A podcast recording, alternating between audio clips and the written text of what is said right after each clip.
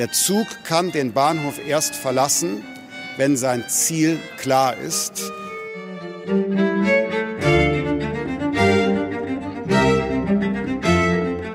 Welkom bij de podcast Waarom Europa?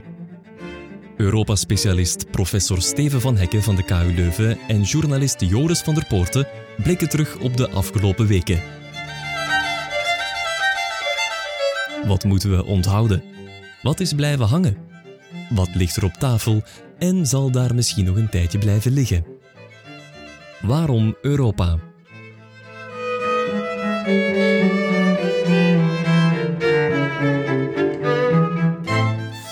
Grondstoffen, elektriciteit, banken, auto's, munitie. Het is een greep uit de onderwerpen die afgelopen maand op de agenda hebben gestaan van de Europese politiek. Ik praat erover met professor Steven van Hekken van de KU Leuven en zoals steeds ook een gast, journalist Barbara Moens van de nieuwsite Politico. Dag Steven, dag Barbara. Dag Joris. Dag Joris. Maar eerst Noord-Ierland. Zowel de Europese lidstaten als het Britse Lagerhuis hebben afgelopen maand ingestemd met het akkoord dat de Europese Commissie en de regering van de Britse premier Sunak eind februari hebben afgesloten. Dit zei Sunak toen. This afternoon, I welcomed President von der Leyen to Windsor to continue our discussions about the Northern Ireland Protocol. I'm pleased to report that we have now made a decisive breakthrough. Together, we have changed the original protocol and are today announcing the new Windsor framework. Today's agreement delivers smooth flowing trade within the whole United Kingdom, protects Northern Ireland's place in our union, and safeguards sovereignty for the people of Northern Ireland. Ja, we horen Sunak zeggen dat het Noord-Ierland-protocol vervangen wordt door het Windsor Framework. Dat protocol was een lastig dossier gelinkt aan de brexit. Wat was alweer het probleem, Steven? Ja, dat uh, fameuze Noord-Ierland-protocol is eigenlijk een onderdeel van het Withdrawal Agreement, dus het akkoord tussen het Verenigd Koninkrijk en de Europese Unie onder welke voorwaarden ze uiteindelijk de brexit kon realiseren.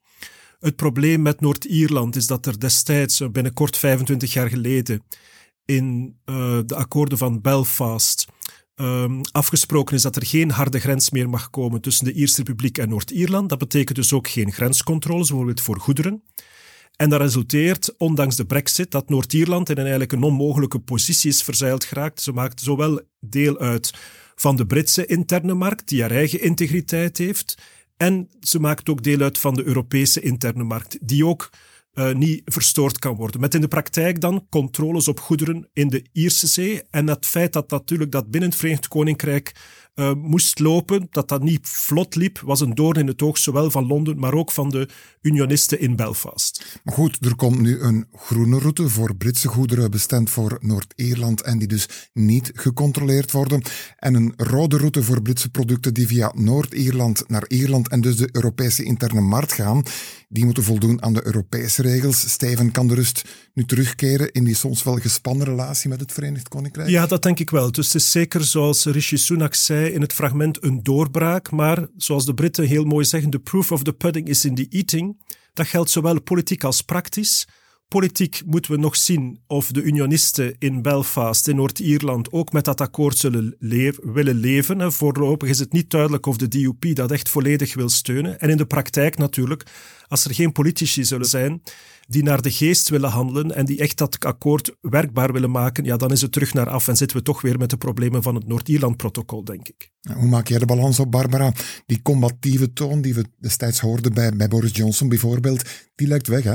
Ja, inderdaad. En je ziet ook dat er bijvoorbeeld tussen Groot-Brittannië en Frankrijk, dat die relaties ook stabiliseren, echt verbeteren zelfs, terwijl Frankrijk binnen de EU toch een van de, ja, de hardere stemmeren was als het ging over de manier waarop dat die brexit werd geregeld. En ik denk, als je een stapje terugneemt, dat er in het algemeen hier in Brussel een beetje het gevoel is van we moeten dit vooral geregeld hebben, um, zodat we ons daar niet meer druk over moeten maken, omdat er al meer dan genoeg andere zaken zijn waar we ons mee moeten bezighouden en dat het dan best is dat je met die buur um, beter overeenkomt. Zeker omdat er met Groot-Brittannië ook meer wordt samengewerkt nu als het over Oekraïne gaat, bijvoorbeeld um, rond intelligentie, bijvoorbeeld rond sancties of bijvoorbeeld rond defensie. Dus dan um, is het beter om die relatie te stabiliseren. Ja, en niet alleen met de Britten lijkt een en ander bijgelegd. Commissievoorzitter von der Leyen is afgelopen maand ook naar de VS getrokken voor gesprek met Joe Biden. De voorbije maanden was de vrees ontstaan dat Europa in een subsidiewetloop met de VS zou terechtkomen. We welcome the Inflation Reduction Act because it is a massive investment in the green transition, moving towards a net zero economy. It is mirrored by the Green Deal industrial plan in the European Union. Today, we agreed that we will work on critical raw materials that have been um, sourced or processed in the European Union and to give them the access to the American market as if they were sourced in the American market. Ja, die Inflation Reduction Act waar von der Leyen het over heeft, is Joe Bidens programma om de Amerikaanse economie een groene omslag te laten maken. Maar in Europa werd dit her en der protectionisme genoemd. Het gaat om subsidies voor Amerikaanse bedrijven. Het Europese antwoord, de industriële Green Deal. Maar kijk, Barbara. De vrees voor een subsidieopbod lijkt wat gaan liggen. Er komt een samenwerking op het vlak van grondstoffen bijvoorbeeld. Mag je dat een verrassende wending noemen? Ik denk dat het, um, het na de eerste hevige reacties inderdaad het verstand wat is weergekeerd, om het zo te zeggen. En het besef dat men zeker in de huidige context van opnieuw die oorlog in Oekraïne, maar ook de manier waarop China um, haar economie behandelt, dat het vooral verstandig is om te gaan samenwerken met de Verenigde Staten in plaats van elkaar economisch te gaan bestrijden. En dus heeft Europa inderdaad haar eigen um, industrieel antwoord daarop geformuleerd. Het risico van een subsidierace is denk ik daardoor niet weg. Integendeel, China is die gestart. De VS is daarin gevolgd en uiteindelijk is Europa nu ook mee aan het volgen. Dat geloof ik, maar de interne reis tussen VS en Europa, is, is die gaan liggen, dat, dat risico? Die, dat risico is zeker verminderd, maar het is nog niet gaan liggen. Dit akkoord is nog niet volledig rond. Er komen ook nog andere moeilijke handelsdiscussies aan, bijvoorbeeld rond staal, waar men een oplossing voor moet vinden. En men weet ook natuurlijk niet um, wie er uh, tot wanneer Joe Biden in het Witte Huis zal zitten en wie er daarna komt. Dus dat blijft wel een, een moeilijke relatie, maar op dit moment is het inderdaad opnieuw gestabiliseerd. Ja, blijft een aandachtspunt. Wat is jouw analyse, Steven? Ja, ik ben het grotendeels eens met wat Barbara zegt. Ik denk eh, dat die zaak al veel langer aansleept. En dus dat de Europese Unie al bij al vrij laat heeft gereageerd. Het feit dat China uh, haar eigen producten subsidieert en die dan exporteert naar de Europa en haar eigen markt afsluit. en ook de uh, Inflation and Reduction Act dateert nota bene toch al van augustus. Dus ik vind dat de Europese Commissie nu ook niet heel snel heeft gereageerd op Europa, dan misschien wat overgereageerd heeft. En dat nu de balans weer wat in evenwicht is. En inderdaad, het zal erop aankomen om toch uh, ja, de competitie te kunnen laten spelen tussen de Verenigde Staten en Europa. Ik denk dat dat ook moet mogelijk zijn, maar dat uh, ja, de echte concurrent wellicht elders zit. Nu, voor een goed begrip, de grondstoffen waarvan sprake zijn zeldzame aardmetalen die nodig zijn voor de groene en digitale omschakeling naar zonnepanelen, windmolens, elektrische auto's, noem maar op. Denk aan lithium, nikkel, kobalt. Probleem is dat Europa sterk afhankelijk is van import, zegt ook de commissaris voor Handel Dombrovskis. Uh, our domestic supply will provide only a fraction of uh, the critical raw materials uh, we need. Uh, for many of the critical raw materials, we depend heavily on a small pool of partners, sometimes just one partner. Uh, uh, this is not a stable uh, or a reliable way to build the industries on the future, so we urgently need to uh, diversify. En dus heeft de commissie afgelopen maand een grondstoffenwet voorgesteld. In jargon de Critical Raw Materials Act. Wat is de bedoeling, Steven? Ja, Ursula von der Leyen heeft die um, aangekondigd al in haar State of the Union in september en nu is die er eindelijk. En we hoorden het daar ook zeggen op die persconferentie na haar bezoek bij Joe Biden. Ja, klopt. Het probleem is eigenlijk dat door de digitalisering en door de klimaattransitie eigenlijk onze onafhankelijkheid van kritische grondstoffen nog gaat toenemen.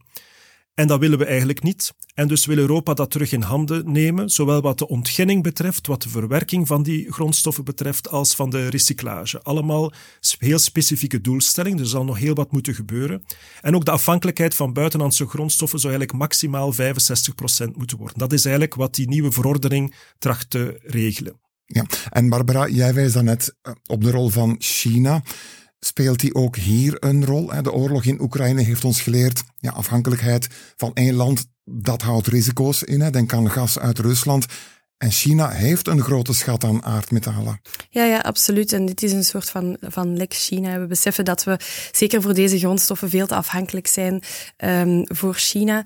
En um, de VS is daar al langer mee bezig, heeft ook veel druk gezet op Europa om uh, dit soort maatregelen te gaan nemen en ook andere maatregelen, bijvoorbeeld exportcontroles. Dus uh, in, in al dit soort discussies, zeker in handel, is uh, China de grote olifant in de kamer. Ja, en voor de volledigheid moeten we zeggen dat de commissie nog een andere wet heeft voorgesteld afgelopen maand, de Net Zero Industry Act, om groene projecten vlotter te vergunnen en te financieren. Nu, veel groene ambities, maar toch ook een valse noot afgelopen maand. In de vorige aflevering van deze podcast hadden we het nog over de uitfasering van de auto's met een verbrandingsmotor na 2035. Het leek rond, tot Duitsland begon tegen te spartelen. We horen de liberale minister van Financiën Lindner. Het gaat om voorstellen van commissaris Timmermans die niet gedragen zijn, zegt hij. Timmermans is bevoegd voor de Green Deal. Ganz offensichtlich gibt es für die Vorschläge von Herrn Timmermans gegenwärtig keine Mehrheit im Europäischen Rat, was nicht nur an Deutschland liegt. Diese Realität müssen alle anerkennen und äh, dafür arbeiten, dass es eine Mehrheit gibt. Dafür sind sehr konkrete und konstruktive Vorschläge unterbreitet worden, äh, nämlich bilanziell klimaneutrale Fahrzeuge auch nach 2035 zuzulassen, selbst wenn sie äh, noch mit einem Otto- oder Dieselmotor ausgestattet sind. Denn es geht ja um den Klimaschutz und es geht äh, nicht darum, einzelne Technologien zu diskriminieren. Ook verbrandingsmotoren na 2035, zolang ze maar klimaatneutraal zijn, zegt hij. En kijk, in de nasleep van de lentetop heeft Duitsland dan toch zijn zin gekregen. Zogenaamde e-fuels mogen, zolang ze maar klimaatneutraal gemaakt worden. Barbara, hoe moeten we die Duitse houding begrijpen? Vanuit Duits binnenlandperspectief is het een, een puur economisch verhaal en, en de macht van de, de autolobby die in Duitsland nog zeer groot is. En ook de interne spanningen binnen die coalitie tussen, tussen de liberalen enerzijds, die we net hoorden, en de andere coalitiepartners. Het heeft um, in Europa bijzonder veel kwaad bloed gezet, um, omdat inderdaad, zoals je zei, dit akkoord echt al done and dusted was. En om daarop terug te komen is eigenlijk sowieso not done, maar zeker als, als grootste en ja, daardoor dus ook wel wat machtigste land binnen Europa, zet dit wel de deur open voor anderen om hetzelfde te gaan doen. Hè. Als je om interne economische redenen zo'n akkoord terug probeert open te breken, als grootste land, ja, wie zegt dan dat iemand anders dit volgende keer ook niet mag doen? Um, dus het was een, een heel pijnlijke, pijnlijke episode. Het zou een precedent kunnen zijn, Steven? Hoor ja, dat Barbara klopt. zeggen? Ja, dat klopt. Het is ook het gevaar, denk ik, hè, dat andere landen nu het voorbeeld van Duitsland gaan nemen. Eh, als Duitsland het mag en durft, waarom zouden de andere lidstaten het ook niet mogen als er voor hen cruciale economische belangen op het spel staan? Anderzijds is het ook een heel mooi voorbeeld van de ja, Europeanisering van de binnenlandse politiek. Het is Scholz die eigenlijk zijn eigen coalitie niet op één lijn krijgt. Het is duidelijk een opbod tussen de liberalen enerzijds en de groenen anderzijds binnen zijn regering met dan de sociaaldemocraten daar binnenin. De liberalen doen het helemaal niet goed, hebben de deelstaatverkiezingen in Berlijn en verloren. En daar ziet je heel die cascade van uh, events, van uitspraken. tot op het niveau van de Europese Unie. Dat is eigenlijk ook een heel gevaarlijk uh, teken, denk ik. Nu, we hoorden Lindner ook zeggen: het ligt niet aan Duitsland alleen er waren dus medestanders. Ja, dat klopt. Hè. Dat is de zogenaamde qualified and majority voting, een soort supermeerderheid onder de lidstaten die nodig is. Hè. Uh, en het feit dat Duitsland van kamp is gewisseld, kantelt het hè, van een minderheid naar een meerderheid. Maar er waren inderdaad ook nog andere landen die tegen waren, onder meer Italië, Polen, denk ik, en een aantal andere landen die wel oren hadden naar de belangen van de auto-industrie. Horen we dat toch niet vaker, Barbara? Als het op binnenlands vlak niet, niet, niet botert, dat men dan zegt het is de schuld van Europa en als het goed gaat, dan is het de eigen verdienste? Ja, ik denk dat dat iets, een, iets is dat er altijd al wat geweest is. Um, en men heeft vaak kritiek op Europa omdat het allemaal zo traag gaat, um, dat het lang duurt, dat het ingewikkeld is. Maar het zijn ook net die, die lange ingewikkelde processen, die compromissen tussen de verschillende Europese instellingen die de machinerie blijven doen draaien. En net daarom was deze episode zo pijnlijk, omdat de machinerie had haar werk gedaan. En om dan daarna op terug te komen, um, dat lag bijzonder gevoelig.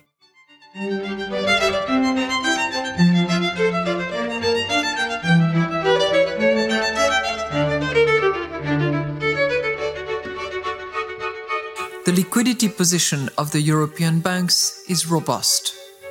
If you look at the liquidity ratios on average, they are clearly above the minimum requirements and even the pre pandemic levels.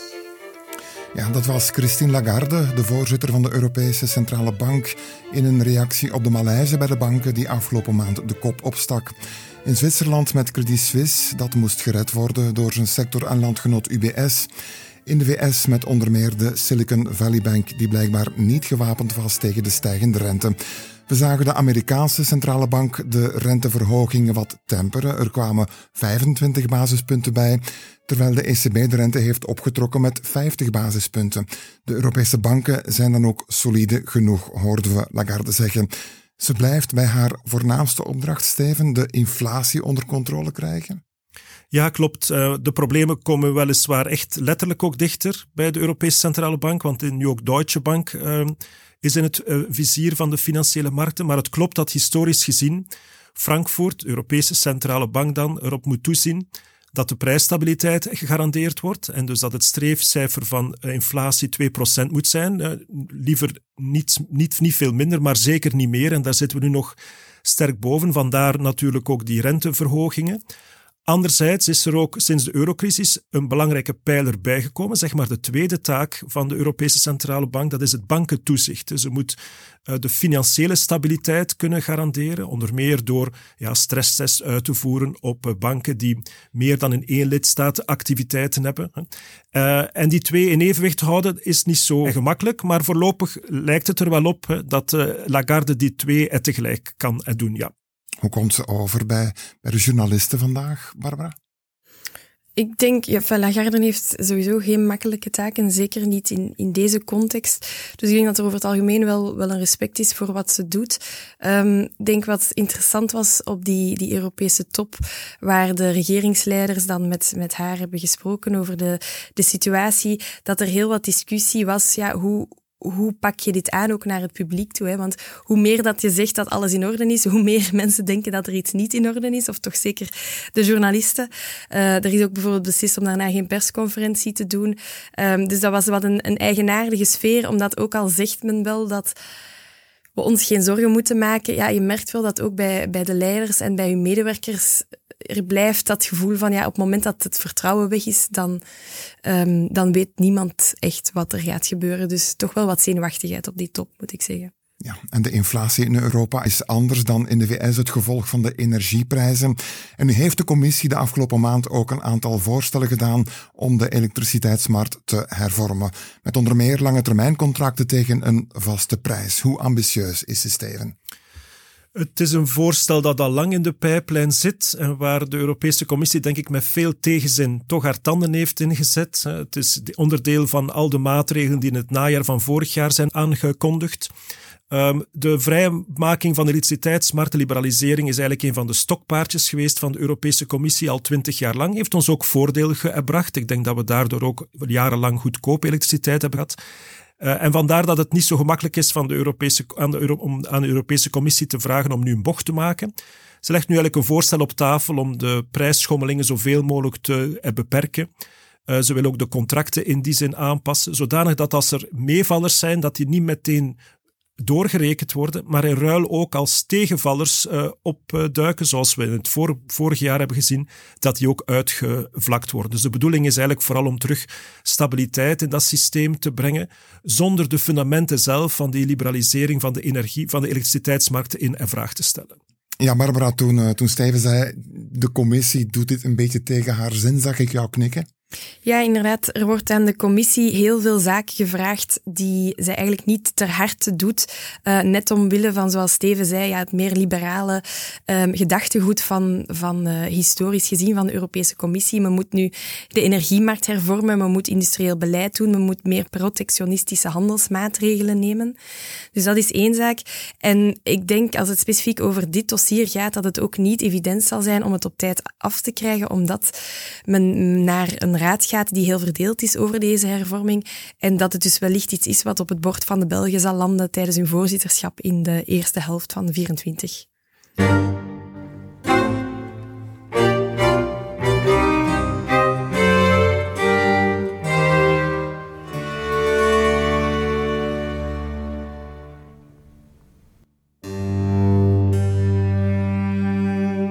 As we know, um, over the last year, the entire European Union has mobilised all its tools in support of Ukraine, including considerable military support.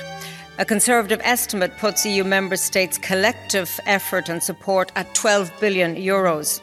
However, the Ukrainian Minister of Defence has informed us that they have an urgent need to ensure the stable supply of 155mm artillery ammunition.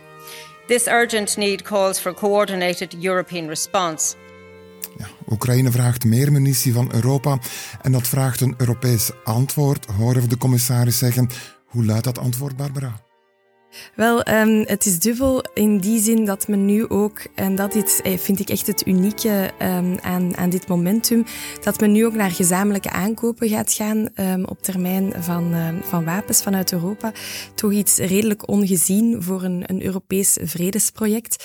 Er is wat discussie over, maar men zet hier toch wel hele grote stappen die voor deze oorlog heel ondenkbaar waren. En die denk ik nog wel uh, redelijk verregaande repercussies gaan hebben. Barbara zegt, het is een vredesproject. Sneuvelt hier dan een taboe, Steven? Ja, een beetje meer, maar het taboe was al aan het sneuvelen. Hè. Via het European Peace Facility, Europese Vredesfaciliteit, zijn er al uh, Europese middelen doorgesluist naar de lidstaten die het geld dan kunnen gebruiken om eigen wapenleveringen aan Oekraïne te recupereren. Het, het nieuwe het vernieuwende, het taboe doorbrekende, is dat het nu gemeenschappelijk gaat gebeuren, zoals Barbara zegt, via gemeenschappelijke aankopen.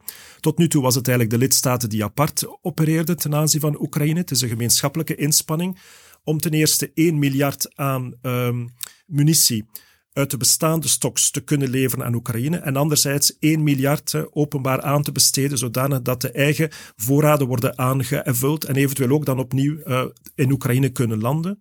Uh, dat is taboe doorbreken dat de Europese landen dat voor de eerste keer gemeenschappelijk doen, plus ook met Europese middelen. Hm.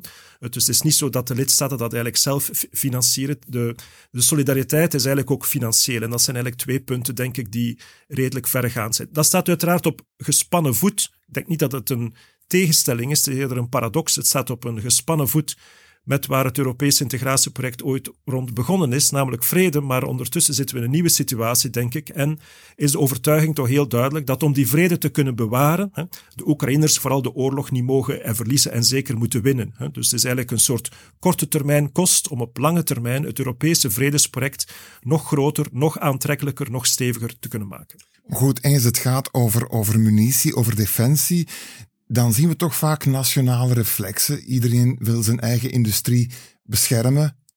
Ja, absoluut. En um, de Fransen waren hier zeer actief in dit dossier om ervoor te zorgen dat als dit dan toch gebeurt, dat het dan vooral naar de Franse defensieindustrie zou gaan, of toch zeker naar de Europese. Dus dat is op, opnieuw een heel um, moeilijk en gevoelig debat van mag je binnen defensiebeleid dan protectionistischer zijn dan in, in, um, in andere economische dossiers. En in die zin vind ik dat we soms vergeten hoe fundamenteel die oorlog in Oekraïne echt Europa heeft veranderd op een, op een aantal vlakken. We hebben het al over de energiehervormingen gehad.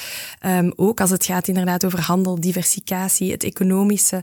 Um, beseffen dat we veel meer uh, die strategische autonomie moeten hebben op heel veel verschillende vlakken. Dat zijn discussies die daarvoor ook wel al woeden, maar die, waar nu echt heel snel grote stappen gebeuren. De oorlog heeft heel veel veranderd. Bedankt voor dit gesprek, Steven van Hekken, Europa-specialist aan de KU Leuven. En Barbara Moens, journalist voor de nieuwsite Politico. En u, beste luisteraar, bedankt om deze podcast te beluisteren. In onze volgende aflevering blikken we terug op de maand april. Tot dan.